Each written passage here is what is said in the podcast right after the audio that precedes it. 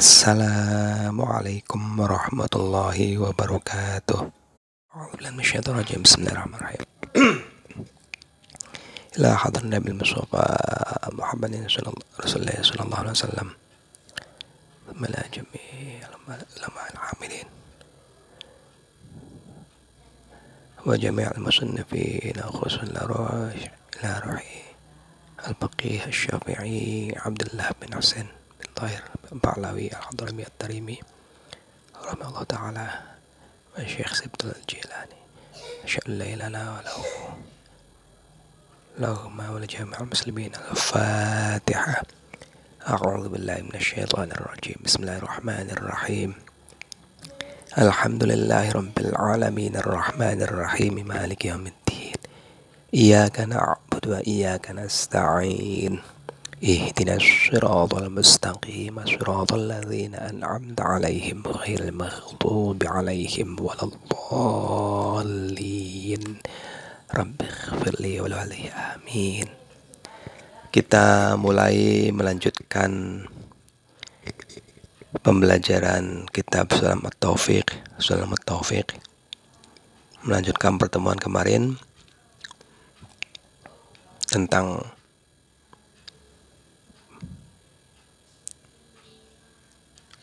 apa yang harus dilakukan oleh orang yang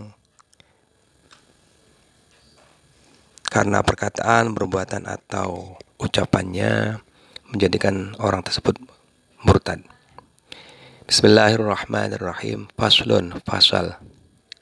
Yajibu ala man waqa'at minhu riddatun.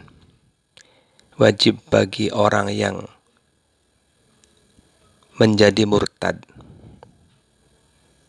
Pertama, al-audu fauran ilal Islam. Segera kembali kepada Islam. Bin nutqi ini dengan mengucapkan dua kalimat syahadat. Wal iqla'i amma waqa'at bihir riddah. Dan mencabut dari hal-hal yang menjadikan murtad. Baik itu perkataan, perbuatan maupun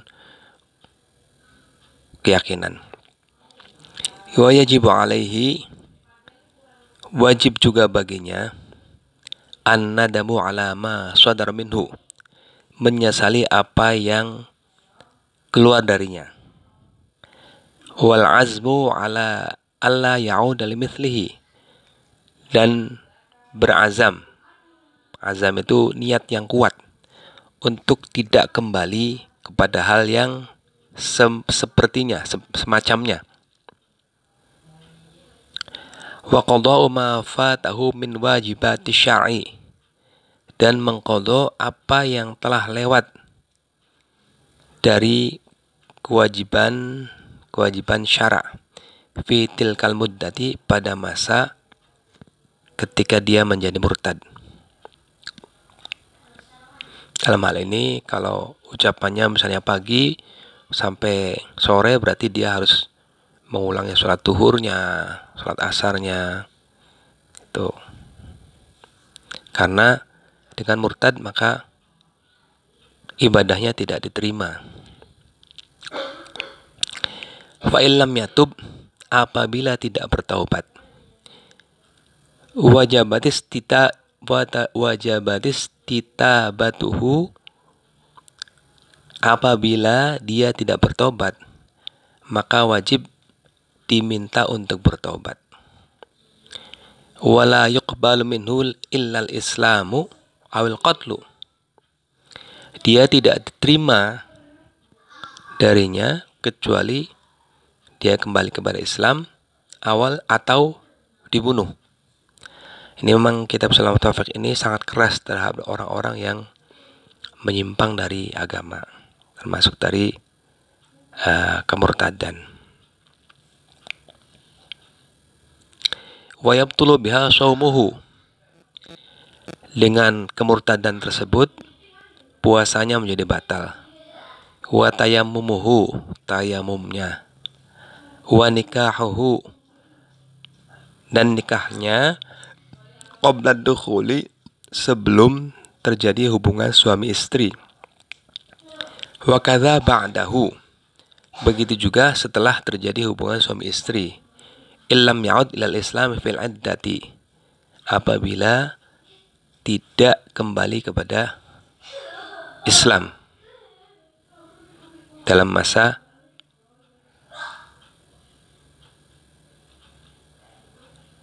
iddah.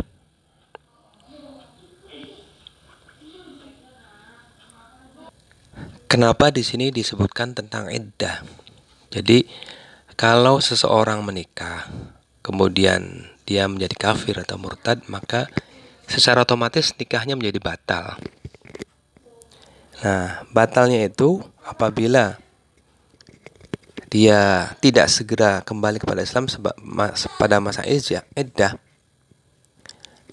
maka akan hilang. Uh, artinya akadnya harus diulang lagi. Tapi kalau tidak uh, dalam masa iddah dia kembali pada Islam, dia tidak perlu mengulang akadnya. Cukup rujuk saja. Wala yasihhu 'aqdu nikahihi. Tidak sah akad nikahnya. Wa tahrumu dzabihatuhu. Haram sembelihannya. Artinya kalau dia menjadi orang yang menyembelih binatang, entah itu ayam, kambing, kerbau, sapi, unta dan sebagainya, itu sembelihannya dianggap tidak sah dan menjadi bangkai. Wala wala yarithu dia tidak menerima warisan wala yurathu dan tidak mewariskan. Wala yusalla alaihi dan tidak disolati kalau dia meninggal. Wala yughassalu dan tidak dimandikan. Wala yukaffanu tidak dikafankan. Wala yudfanu tidak di kuburkan. Artinya uh, apa yang harus dilakukan terhadap orang yang meninggal yang muslim itu tidak wajib dilakukan kepadanya. Terus kalau dipertanyakan bagaimana dia ini ya, ya dia tidak uh, tidak diperlakukan sebenarnya sebagaimana orang Islam. Kalau orang Islam kan begitu meninggal wajib segera dimandikan, dikafani, disolati, kemudian dikuburkan. Eh, tapi kalau dia sudah keluar dari Islam maka tidak dilakukan langkah-langkah seperti itu. Seperti itu. Wa maluhu fai'un. Hartanya menjadi harta fai. Harta harta fai itu harta yang menjadi uh, semacam uh, milik umat Islam. Masuk ke dalam uh, kas umat Islam.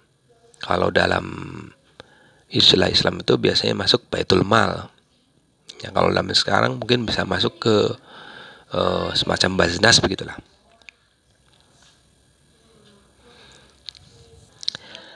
Faslun, fasal.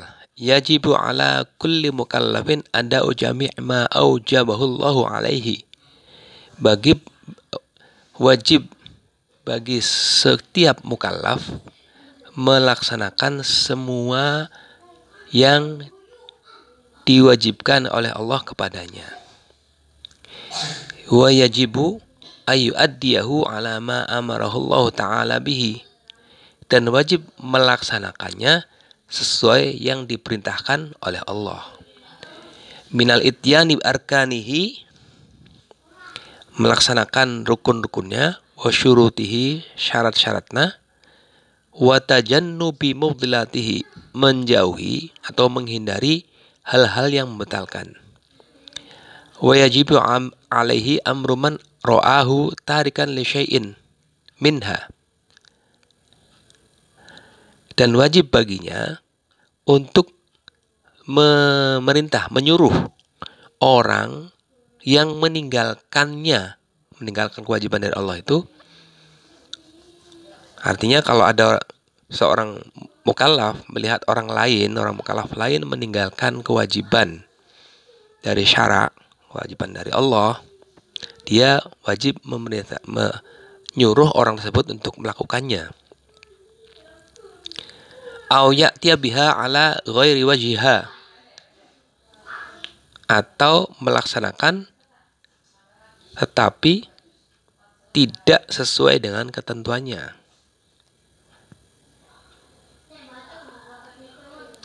Wa yajibu alaihi qahruhu ala dzalika.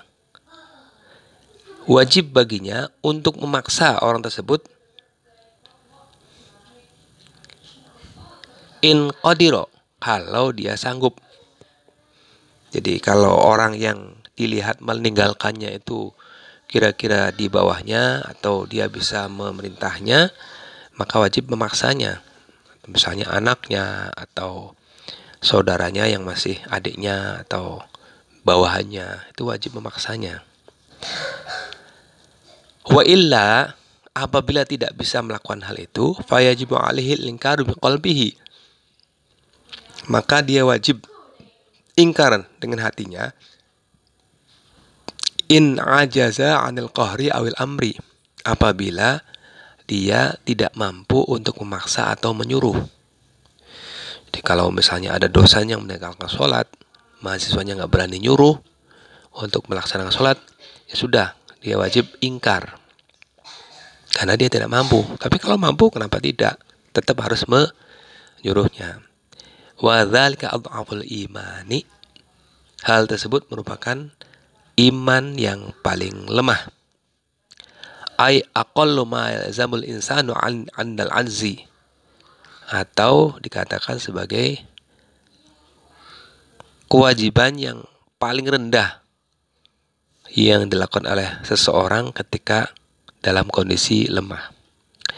Wa yajibu tarku jami'al muharramati wajib meninggalkan segala hal yang diharamkan. Nah, ini masih lanjutan dari yang mukallaf tadi. Orang mukallaf tadi wajib meninggalkan. Tadi kan pertama kan wajib melaksanakan perintah dan sekarang wajib meninggalkan segala yang diharamkan. Wa nahyu murtakibiha wa man'uhu qahron minha in qadiru alaihi. Dan mencegah atau melarang orang yang melakukan hal yang haram atau melarangnya secara paksa apabila mampu. Wa illa wajaban alaihi ayyunkiru dzalika biqalbihi. Apabila tidak mampu, maka wajib baginya untuk mengingkari dengan hatinya. Sama seperti seperti tadi. Kalau dia tidak wajib memerintahkan orang yang meninggalkan kewajiban, maka dia wajib ingkar hatinya. Begitu juga kalau ada orang melaksanakan hal yang haram, dia tidak mampu untuk memaksa atau memerintahnya, menyuruhnya, maka wajib mengingkari juga.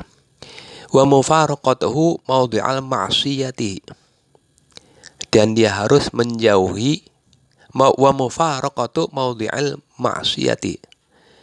Dan menjauhi tempat maksiat. Wal haramu haram adalah ma tawa'adallahu murtakibahu bil iqabi. Sesuatu yang Allah yang diancam oleh Allah yang pelakunya diancam oleh Allah dengan siksa. Wa wa'ada tarikahu bithawabi dan bagi yang meninggalkannya diberikan janji pahala atau balasan.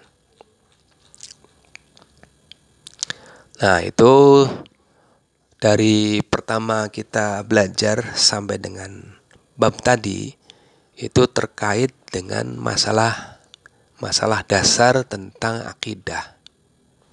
Akidah ya termasuk juga bagaimana kita men, me, bersikap terhadap orang yang murtad, bagaimana kita menjauhi kemurtadan. Nah, saat ini kita akan membahas tentang toharoh atau bersuci.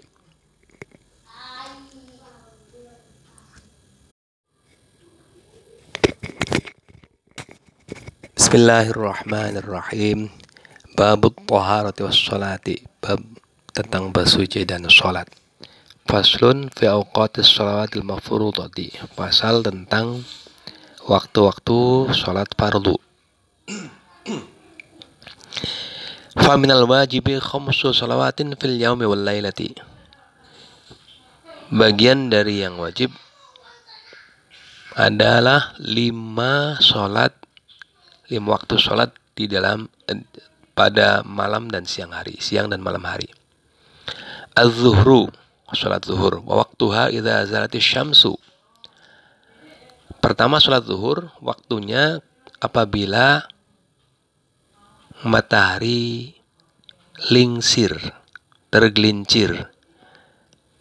Jadi ini zalat itu bahasa bahasa artinya itu kalau dalam bahasa yang nyata bahasa artinya adalah tergelincir.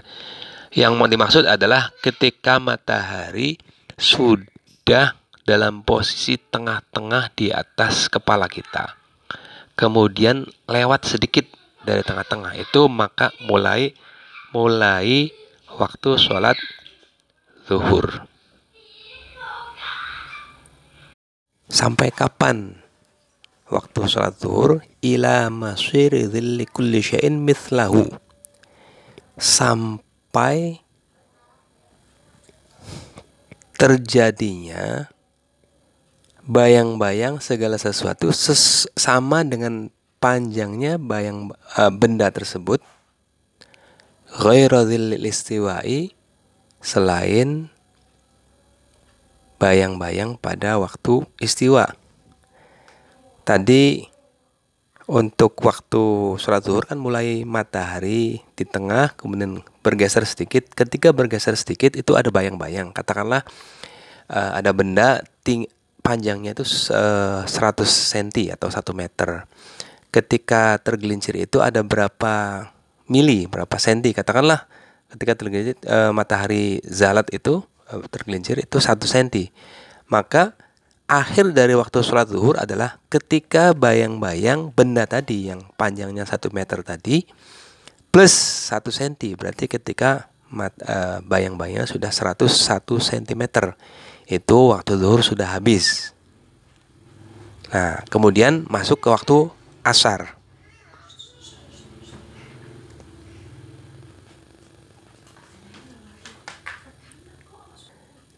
wal asru salat asar. Waktu hamim ba'di waktu zuhri ila maghish maghibis syamsi. Waktunya setelah berakhirnya waktu zuhur sampai dengan matahari terbenam waktu sholat asar jadi kalau tadi bayang-bayang benda tadi kita contohkan 101 cm itu sudah mulai masuk waktu asar sampai dengan matahari terbenam. Selanjutnya wal maghribu salat maghrib. Waktu min ba'di maghrib syamsi. Waktunya setelah matahari terbenam. Ila maghrib syafaqil ahmari sampai dengan terbenamnya uh, awan merah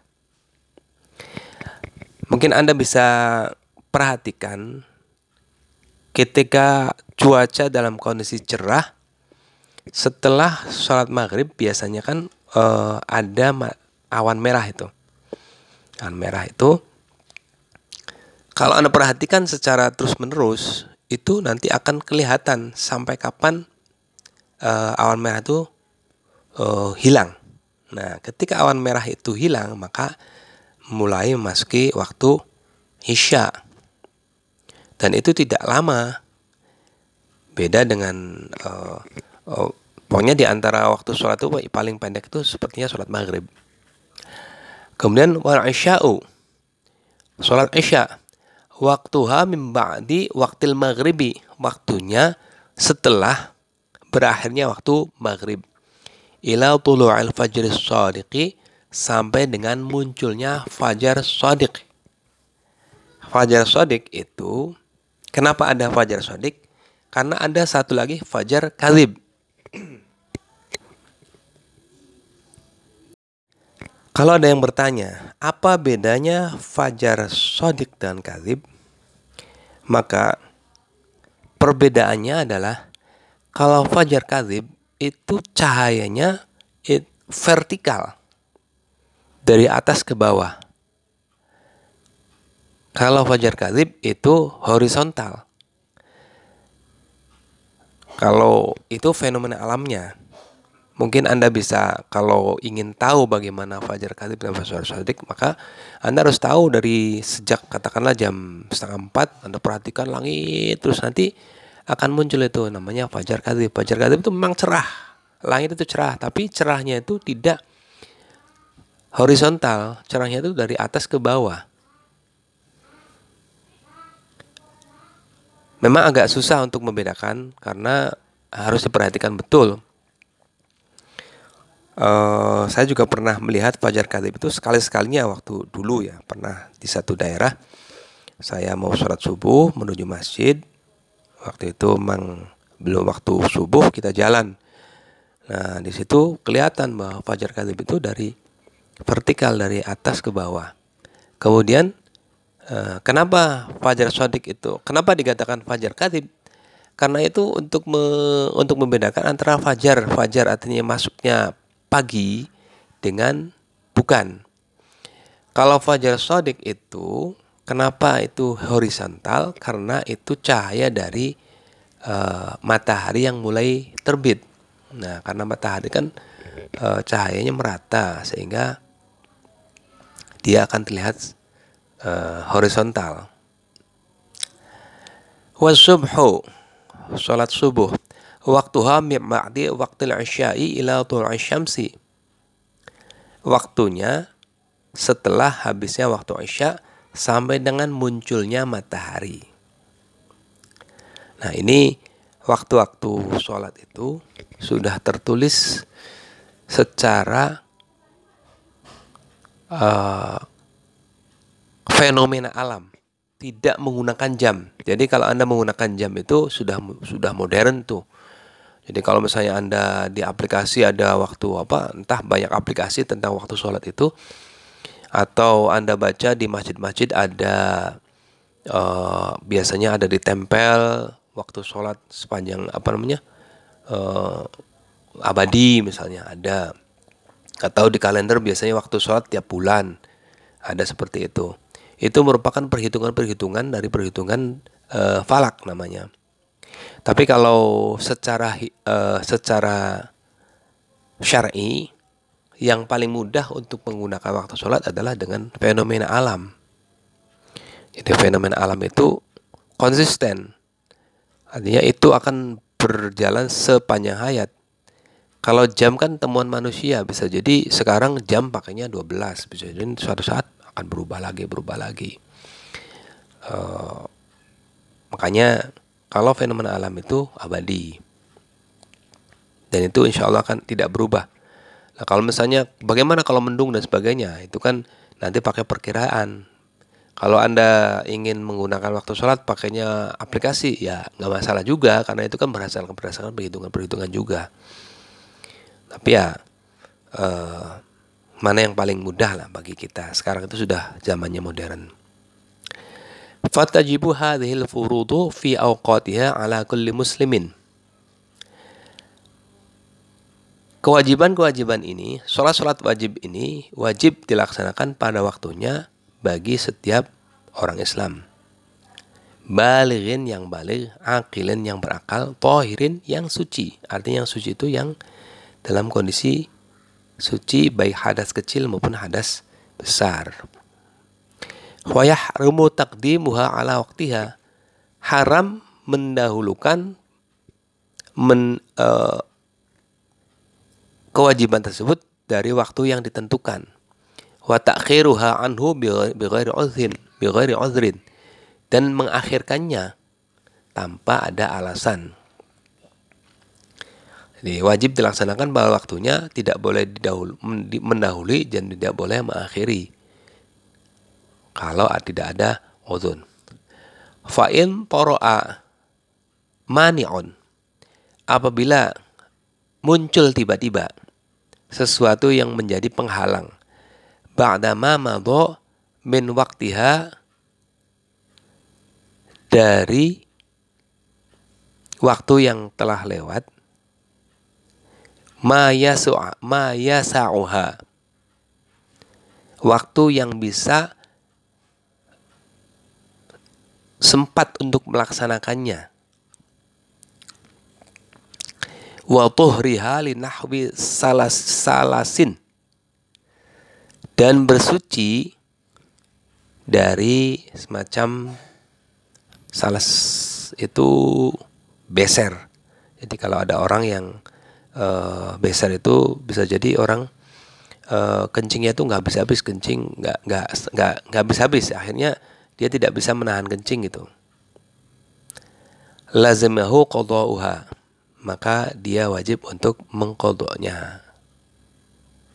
Jadi apabila ada seseorang pada waktu uh, sholat itu tiba-tiba muncul penghalang seperti head atau uh, hal yang menghalanginya, tapi dia sempat uh, tidak sempat melakukannya karena tidak cukup waktu untuk melaksanakannya. Oh, melaksanakan artinya kalau misalnya sholat duhur katakanlah satu satu rakaat empat uh, satu menit berarti empat rakaat empat menit plus wudhunya atau bersucinya entah itu mandi atau wudhu atau e, bersuci lah.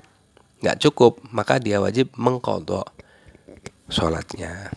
Auzal al mani'u wa qad baqiya minal waqti. Qadru takbiratin. Atau penghalangnya hilang dan masih tersisa waktu sekedar satu kali takbir. Artinya uh, pokoknya waktunya tuh tinggal beberapa katakanlah hanya 30 detik. Jadi sudah sempat bersuci kemudian masih ada 30 detik lagi. Setia segera sholat. Lazimathu maka dia wajib melaksanakannya. Wakadha ma qablaha in jumi'an ma'aha. Begitu juga wajib melaksanakannya sebelum waktunya apabila dijamak.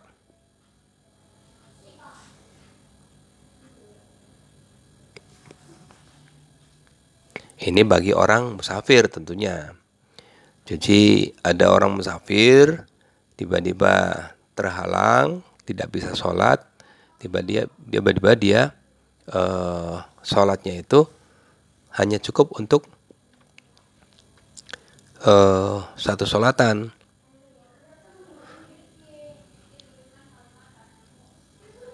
Nah, di sini penjelasannya itu in jumi'at maha ay in sahal lil musafir ay yajma'ha ma'aha.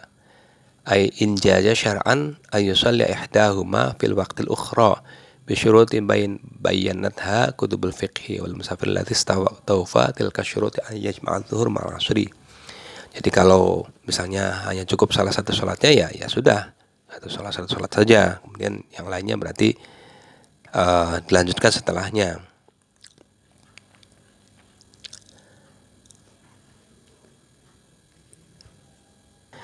Kita lanjut ke pasal baru, faslun fima yajibu ala wulatil umuri. Pasal tentang hal yang wajib bagi pemerintah. Yajibu ala wali sobiyi. Oh, wulatil umur maksudnya bukan bukan ini ya, bukan pemerintah ya. Artinya orang yang memiliki kuasa untuk uh, untuk memerintah, artinya punya kekuasaan entah itu orang tua atau wali atau apa ini. Ya yajibu ala waliyyi sabi was sabiyati al mumayyizat al mumayyizaini ay ya'muruhuma bis salati wa yu'allimuha ahkamaha ba'da sab'i sinin yajibu ala wali sabi was sabiyati wajib bagi wali. Artinya wali itu bisa orang tuanya bisa orang tua asuhnya atau gurunya yang mengasuhnya. Wali baik eh, anak laki-laki dan perempuan al mumayyizat al mumayyizaini yang sudah tamiz ayat merohma bisolati wa yu'allimuha ahkamaha. Wajib untuk menyuruh keduanya menyuruh sholat dan mengajar mengajari keduanya hukum-hukum sholat Ba'da sam'i sinina setelah mereka masuk umur tujuh tahun Nah, ini tujuh tahun ini hitungan dalam fikih itu adalah jodoh tujuh tahun bulan Komariah. Nah, Komariah itu berarti bulan bukan bulan Januari Februari ya, tapi eh, Muharram itu mulainya Muharram bukan Januari. Perbedaannya antara bulan Qamariyah dan Syamsiyah itu satu tahun sekitar 11 hari koma sekian. Coba Anda perhatikan setiap tahun Lebaran itu mesti maju sekitar 11 hari. Makanya setiap tahun pasti akan ada perubahan uh, untuk lebaran itu. Wajib memerintah sholat kalau sudah mencapai umur tujuh tahun. ribuhma ala tarkiha ba'da ashir sinina. Dan wajib memukul keduanya ala apabila meninggalkannya setelah mereka berumur 10 tahun. Nah, mukulnya itu bukan pakai apa namanya pemukul yang keras ya. Artinya memukul itu dalam arti memerintahkan secara keras apabila mereka menolak ya bagaimana dijewer atau apa gitu. Kira-kira mereka mau melaksanakannya. Ini tujuannya adalah untuk mendidik anak-anak supaya mereka terbiasa untuk melaksanakan kewajiban. Kasaumin atau kohu Begitu juga wajib untuk memerintahnya puasa yang sudah mereka mampu melaksanakannya. Jadi kalau belum mampu sih nggak boleh, jangan dipaksa. Tapi ya tetap harus di, dicoba, harus dilatih untuk mereka supaya mereka bisa melaksanakan kewajiban. Wa yajibu alaihi aydan ta'limuhuma ma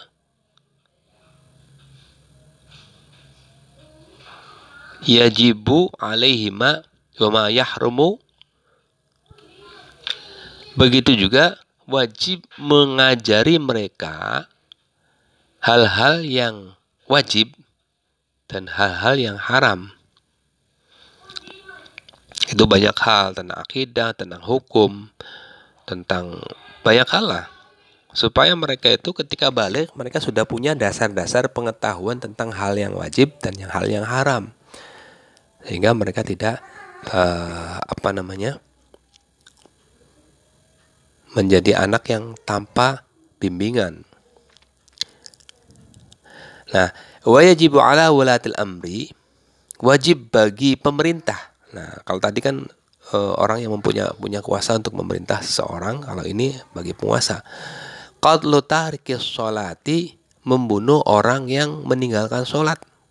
Kaslan karena malas. Illam yatub apabila tidak bertobat.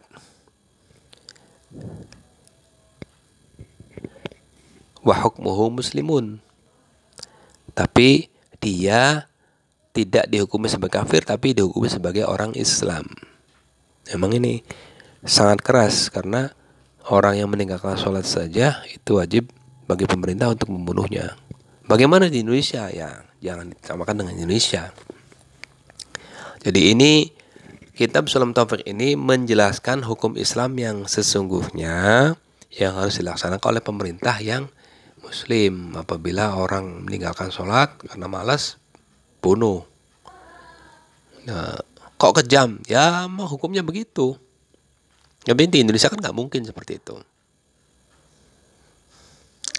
Wa yajibu ala kulli muslimin amru ahlihi biha. Wajib bagi setiap muslim untuk memerintahkan, untuk menyuruh keluarganya menyuruh sholat. Wa qaruhum wa ta'limuhum arkanaha wa syurutaha wa mutalatiha. Kullu man qadiru alaihi min ghairihim.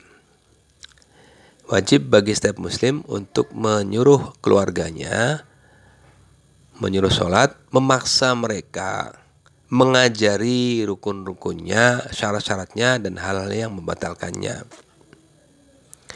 Wa kullu man qadira alaihi min ghairihim.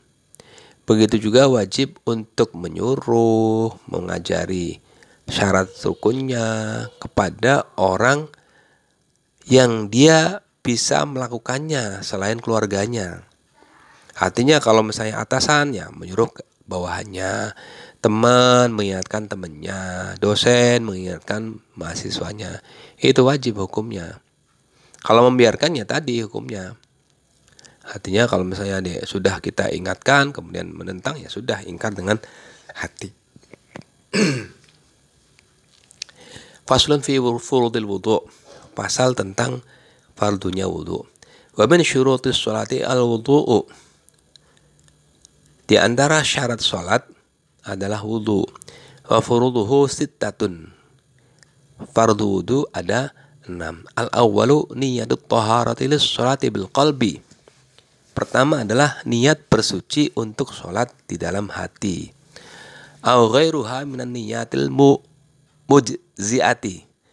Atau niat selain sholat dari niat-niat yang mencukupi anda ghasil wajhi ketika mencuci muka. Jadi wudhu itu dimulai niatnya ketika mencuci muka karena niat itu qasdu syai'i muqtaranan bi fi'lihi. Menyengaja sesuatu diawali di, disertakan bersamaan dengan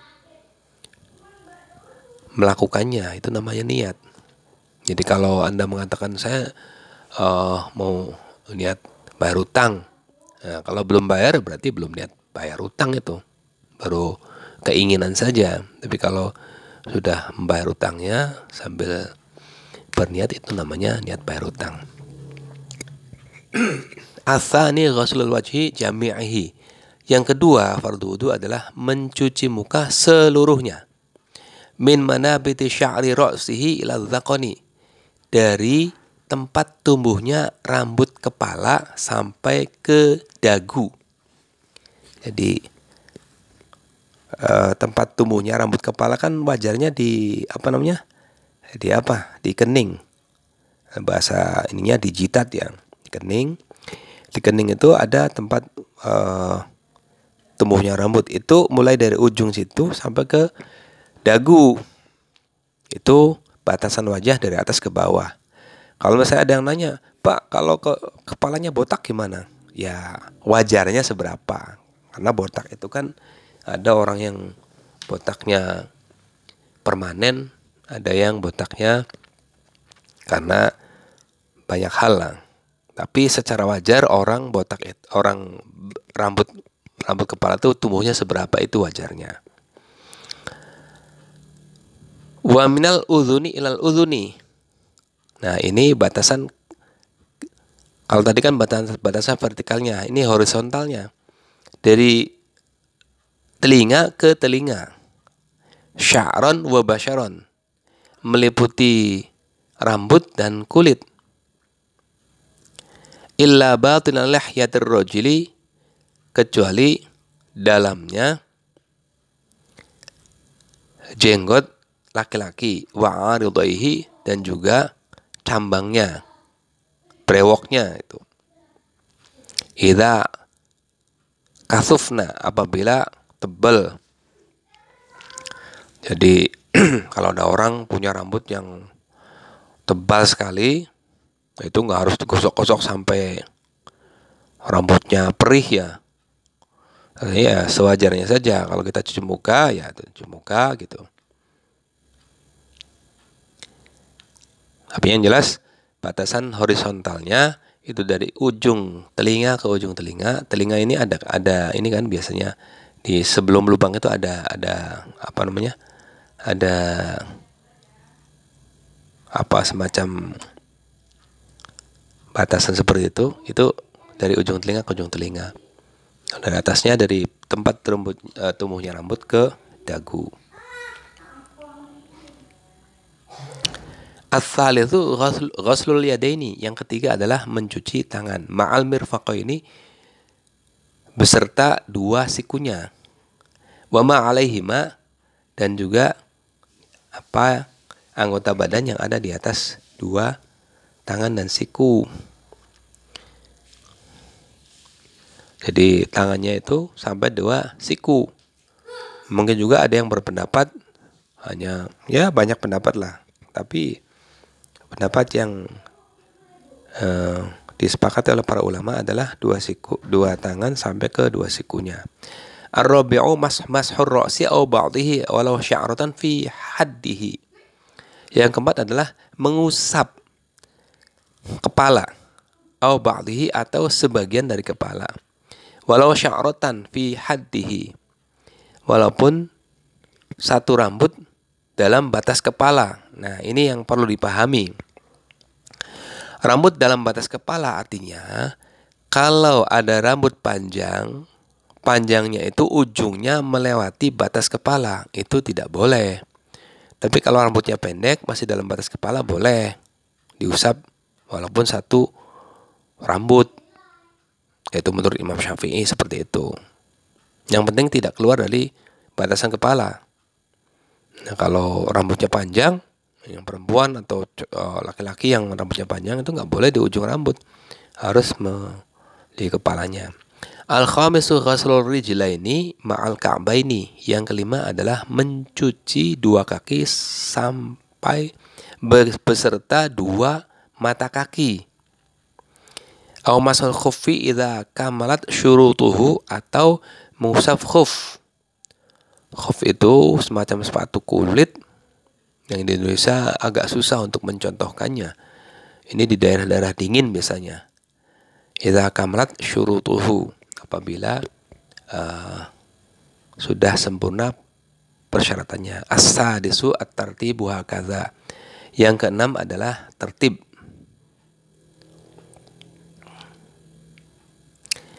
Nah, selanjutnya faslun fi nawaqidul wudu.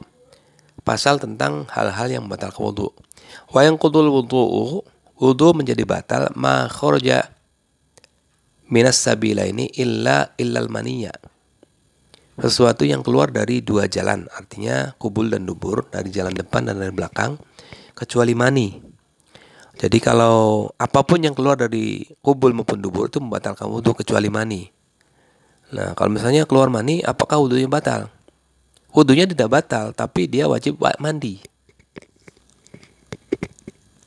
Tuh, wajib mandi, tapi wudhunya tidak batal. Nah, kalau pengen nanya ya, ini penjelasannya panjang sekali ya. Artinya kalau seorang punya wudhu keluar mani itu tidak uh, tidak membatalkan wudhu. Tapi ya tentu saja ya agak susah penjelasannya. Karena kan banyak yang batal wudhu kalau hanya keluar mani itu tidak batal wudhunya. O masukubul adami aw halqati duburihi dan menyentuh kubul. Kubul itu jalan depan. Adami uh, kubul farjinya ad, uh, anak Adam.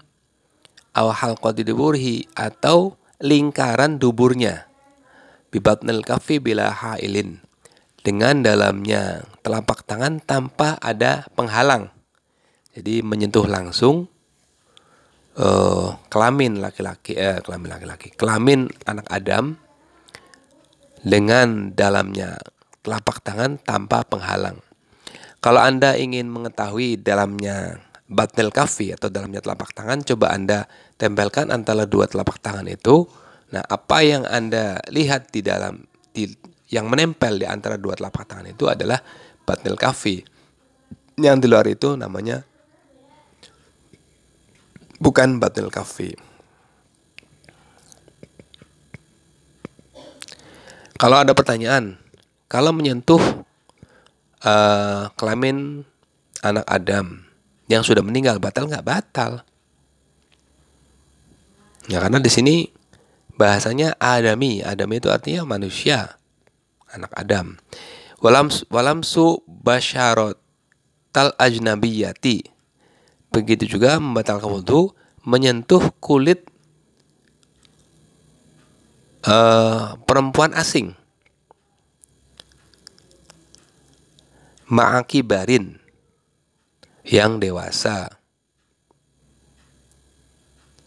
Artinya bersentuhan antara dua jenis kelamin berbeda, laki-laki dan perempuan, walaupun suami istri yang Ma'akibarin itu artinya sudah dewasa. Ini kalau masih anak-anak beda lagi. Ya, ini fikih yang syafi'i seperti itu. Wa zawal aqli illa nauma qa'idin mumakkinin mak'adahu. Dan hilangnya akal artinya hilangnya akal dengan berbagai cara entah itu karena ayan karena gitu, karena pingsan karena apa itu kalau hilang akalnya maka batal wudunya begitu juga karena tidur. Illa nauma qa'idin mungkin makadahu kecuali tidurnya orang yang tetap duduk yang bisa menjaga duduknya sehingga tidak ada dugaan bahwa ketika tidur dalam kondisi duduk itu ada uh, keluar angin dari kentut lah gampangnya gitu.